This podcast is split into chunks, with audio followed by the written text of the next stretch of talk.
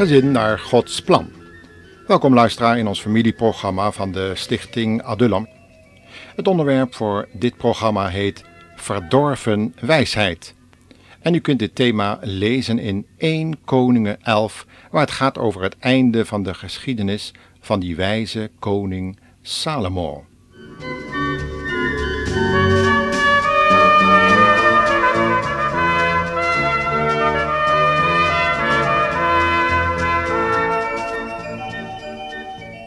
Heeft u ook wel eens het onbehagelijke gevoel dat u voor de gek wordt gehouden? Ongetwijfeld zult u dat gevoel ook krijgen als u het einde beschreven ziet van de wijze, zogenoemde vredevorst Salomo. Heel wat spreuken over huwelijk en gezin, maatschappelijke verhoudingen, overdenkingen over allerlei wantoestanden in de wereld om hem heen en de goede opmerkingen en adviezen aan het adres van jonge mensen zijn van zijn hand.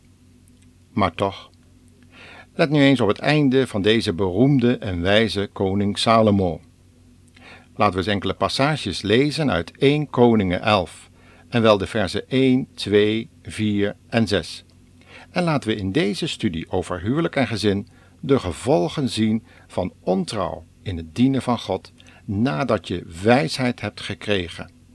Luister maar eens hoe God over deze Salomo dacht aan het einde van zijn leven en laten we de lessen voor ons eigen leven er alsjeblieft uittrekken en niet blijven staan bij de geschiedenis als zodanig. Want het is opgeschreven, zou Paulus honderden jaren later schrijven, tot onderwijzing voor ons, opdat we niet in hetzelfde voorbeeld zouden vallen, wat hier zo negatief uitpakt. Luister maar.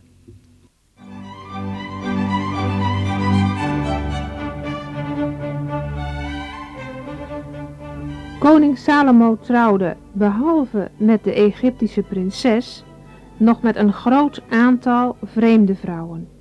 Velen van hen kwamen uit landen als Moab, Ammon, Edom, Sidon en het land van de Hethieten. Hij deed dit ondanks dat de Heere duidelijk had gesteld dat zijn volk niet met zulke vrouwen mocht trouwen, omdat deze hen zouden overhalen hun afgoden te gaan aanbidden. Salomo trok zich daar echter weinig van aan. Hij had 700 vrouwen van vorstelijke afkomst en 300 bijvrouwen. En deze waren de aanleiding dat hij zijn hart van de Heere afkeerde, vooral toen hij wat ouder werd. Zij brachten hem ertoe hun afgoden te vereren, in plaats van volledig op de Heere te vertrouwen en hem te dienen zoals zijn vader David had gedaan. Salomo vereerde Astarte, de godin van de Sidoniërs, en Milkom, de gruwelijke god van de Ammonieten. Zo zondigde Salomo duidelijk tegen de Heere en bleef de Heere niet trouw, zoals zijn vader David wel deed. Hij ging zelfs zo ver dat hij een tempel liet neerzetten op de Olijfberg aan de overzijde van het dal bij Jeruzalem, voor Kamos, de verderfelijke afgod van Moab, en nog een andere voor Molech, de schandelijke afgod van de Ammonieten.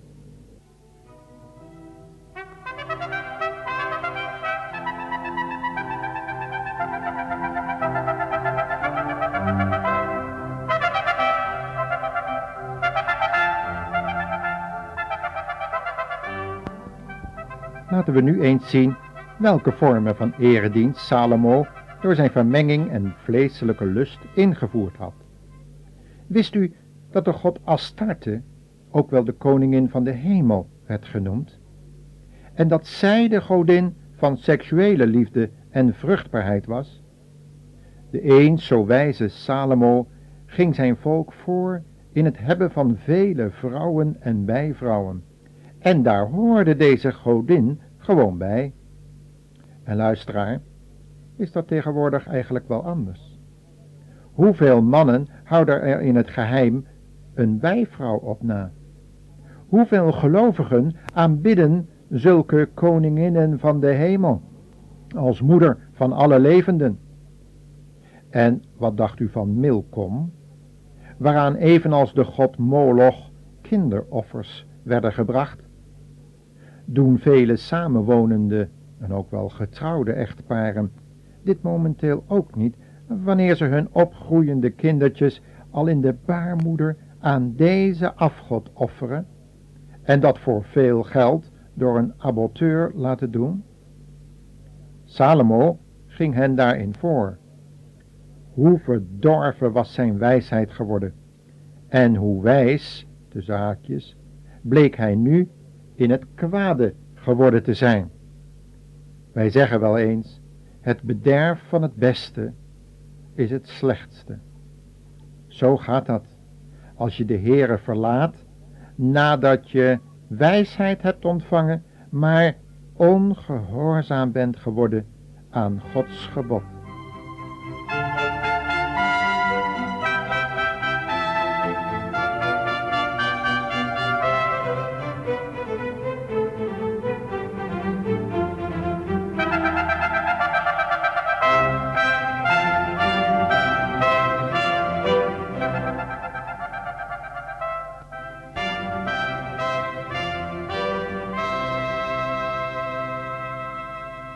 En dan hebben we het nog niet eens over die afgoden Kamos en Apis, luisteraar. De goden Baal, Peor, Remvan, Asherah. Allemaal afgoden waaraan men goed en bloed offerde en veel vrije tijd. Ze vertegenwoordigen respectievelijk de vrije seks, de perverse krachten in de samenleving, de abnormale belangstelling voor bovenzintuigelijke waarnemingen en verborgen zielekrachten die vrijgemaakt worden door allerlei mystieke oefeningen, de afgoderij met sterrenbeelden, magie en de verering van natuurkrachten in de biochemie. En wat dacht u van al die beoefenaars van waarzeggerij en spiritisme?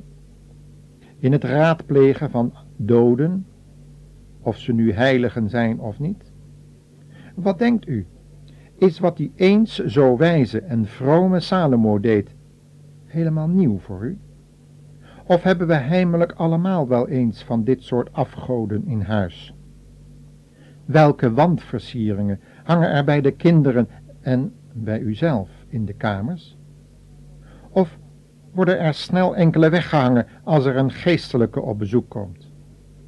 Welk idool vereert u, luisteraar? En hoeveel tijd stopt u in deze of gene vrije tijdbesteding?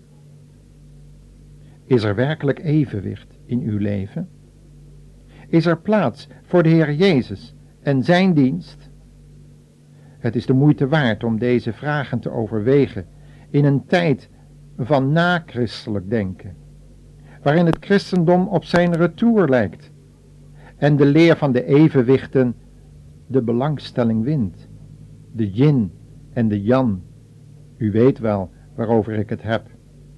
Maar is dat evenwicht er in het christelijk leven?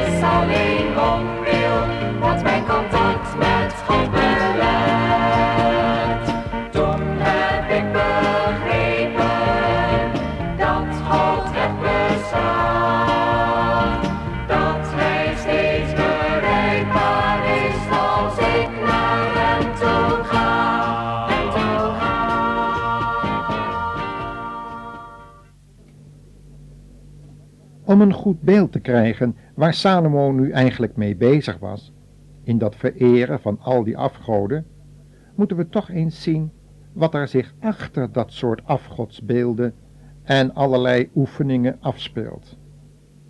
Paulus schrijft hierover in 1 Korinthe 10, vers 18 tot 21. Leest u maar mee. Door van die offers te eten ben je betrokken bij het altaar waarop de offers gebracht worden. Wil ik hiermee zeggen dat een offer voor een afgod toch een echt offer is? Of dat zo'n afgod echt is? Verre van dat. Wat ik wil zeggen is dat de mensen die zo'n afgod een offer brengen, in feite een offer aan boze geesten brengen en niet aan God. En ik wil niet dat u iets met boze geesten te maken hebt. U kunt niet uit de beker van de Heere drinken en uit de beker van de boze geesten. U kunt niet bij de Heere aan tafel gaan en bij de boze geesten. We zien wel, Paulus bestrijdt elke vermenging van godsdienst, zoals dat vandaag helaas zoveel gepredikt wordt, en zelfs door de eens zo wijze Salomo in praktijk werd gebracht.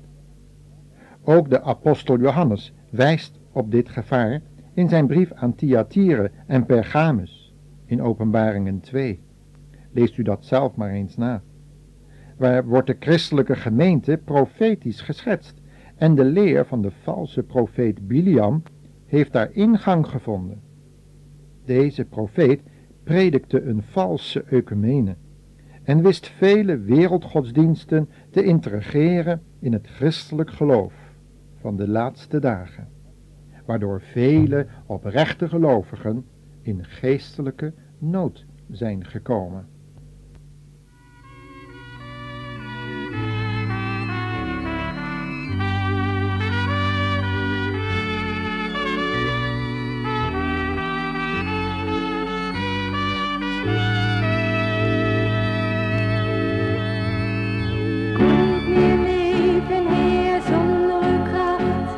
Ik had zelf een plan voor mijn leven bedacht. Zonder uw hulp, want ik kon het bestaan op eigen benen te gaan en te staan. Soms had ik angst als ik zag om me heen. Seks en verslaving en harten van steen. Ik wist toen nog niet dat de kracht van uw bloed